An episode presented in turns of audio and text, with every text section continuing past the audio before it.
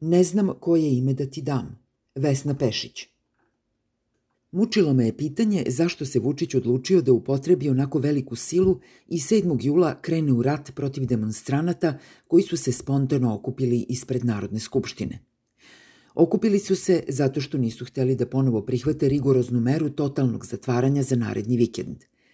Policijski čas od petka u 18 do ponedeljka u 5, koju je Vučić tog popodneva obelodanio a poverenje u državu je već bilo izgubljeno jer se lagalo o stanju epidemije štimovanjem broja zaraženih i umrlih iz uskostranačkih interesa koji nemaju veze sa zaštitom javnog zdravlja. Vučić je sutradan odustao te mere. Već se jednom povukao sa zatvaranjem studentskih domova, čim su studenti izašli na ulicu, a sada je morao da se povuče pred besom mladih demonstranata različitih fela. Gnev okupljenih je bio izrazito političan i nabijen emocijama – Nezaboravna je scena mladića koji je izašao sa majkom da ožali svoga preminulog oca koji nije dočekao respirator i kroz suze izgovorio ovo je za Ćaleta. Na što je Vučić reagovao osvetoljubivo, uz jasnu poruku. Kad vas sad umlatim, neće vam više pasti na pamet da me rušite. Ovih nekoliko julskih ustaničkih noći neće biti zaboravljene. Zlostavljanje i upotreba prekomerne sile i masovna hapšenja signalizirali su da je Vučić izgubio živce jer je prvi put bio suočen sa žestokom gorčinom usmerenom ka njemu, koja je nedvosmisleno izbijala iz okupljenih građana. Ove demonstracije nisu ličile na šetnje, već su Vučiću kidale nerve, pa se brzo organizovao i napravio ratni plan da demonstrante nauči pameti jednom zauvek. Zato je to bio pravi mali julski rat u kome je Vučić koristio veliku oružanu silu, naoružanu žandarmeriju, hemijska sredstva, suzavac, živu silu, konjicu i pse, policajce u civilu, hamere i huligane koji su služili za izazivanje sukoba sa policijom i koji su čitav sat gađali policiju koja im se nameštala da je gađaju, da bi onda iznervirana svom silinom udarila na demonstrante.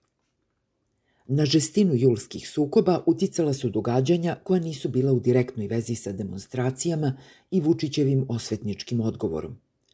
U društvu je već bila povećana napetost zbog novog talasa COVID-19, jačeg nego u prvoj fazi. Epidemija se toliko otela kontroli da je režim bio doveden u tešku situaciju, o čemu sam već pisala – Haranje virusa širom Srbije razotkrilo je Vučićevu razvaljenu i dekapacitiranu državu koja ne uspeva da zaštiti njegov voljeni narod. To je još nekako moglo da se pregrmi jer nije Srbija jedina u kojoj je epidemija eskalirala, mada do toga nije moralo da dođe da je država bila opreznija, a nije bila jer se spremala da progura parlamentarne izbore za vreme epidemije. Međutim, najgori COVID udarac režimu zadelo otkriće Birna – vlast je uhvaćena u laži, to jest falsifikovanju podataka o broju zaraženih i umrlih od epidemije. Svuda se čulo, ja više nikome ne verujem, sve što kažu množim sa dva, a neko sa pet, a neki sa deset. Virus se raširio i mnogi su na sobstvenoj koži i koži svojih najmilijih osetili da je Vučićeva država razvaljena i da ne može da ih zaštiti. Na sve to, neposredno posle demonstracija, Vučić se pojavio držeći indeks trenerske škole sa željom da ostvari svoj mladalački san i postane košarkaški trener. Zamisao da postane trener oslobodila ga je na trenutak od pritiska njegove preterane moći, koja je iza njega postala riskantna posle junskih izbora. On nije planirao takve rezultate koji su ga osramotili pred svetom do koga on mnogo drži.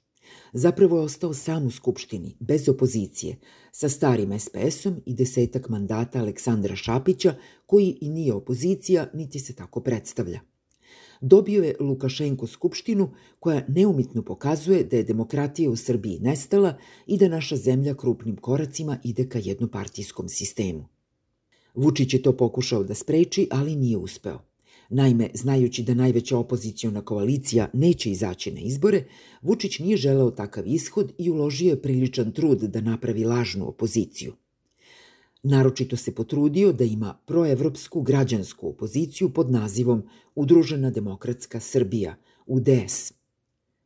Spuštanjem cenzusa nameravao je da privuče veliki broj malih stranaka. I zaista, sijaset strančica je učestvovalo na tim mutnim izborima, ali nijedna nije prošla ni onaj mali cenzus. On je dobio vrtoglavih 188 mandata, preko 60 glasova. A cenzus su prebacile još samo dve stranke, SPS i SPAS, pri čemu obe nisu opozicione stranke. Vučić se žalio svojim drugarima u slavljeničkoj noći, osjećao je nelagodu jer on sigurno nije glup političar pa da ne razume šta mu se dogodilo u Srbiji kandidatu za članicu Evropske unije. U onom dramatičnom intervju sa Oliverom Jovićević na RTS-u, ona ga je to pitala i rekla da je čula od njegovih ljudi da mu je bilo krivo što je ostao sam u Skupštini. Nervozno je tražio da mu kaže ko je to rekao. Dva puta je to pitao.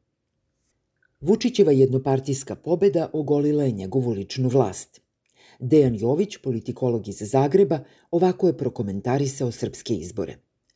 Srbija je ušla u fazu koja predstavlja vrlo riskantnu situaciju za vlast.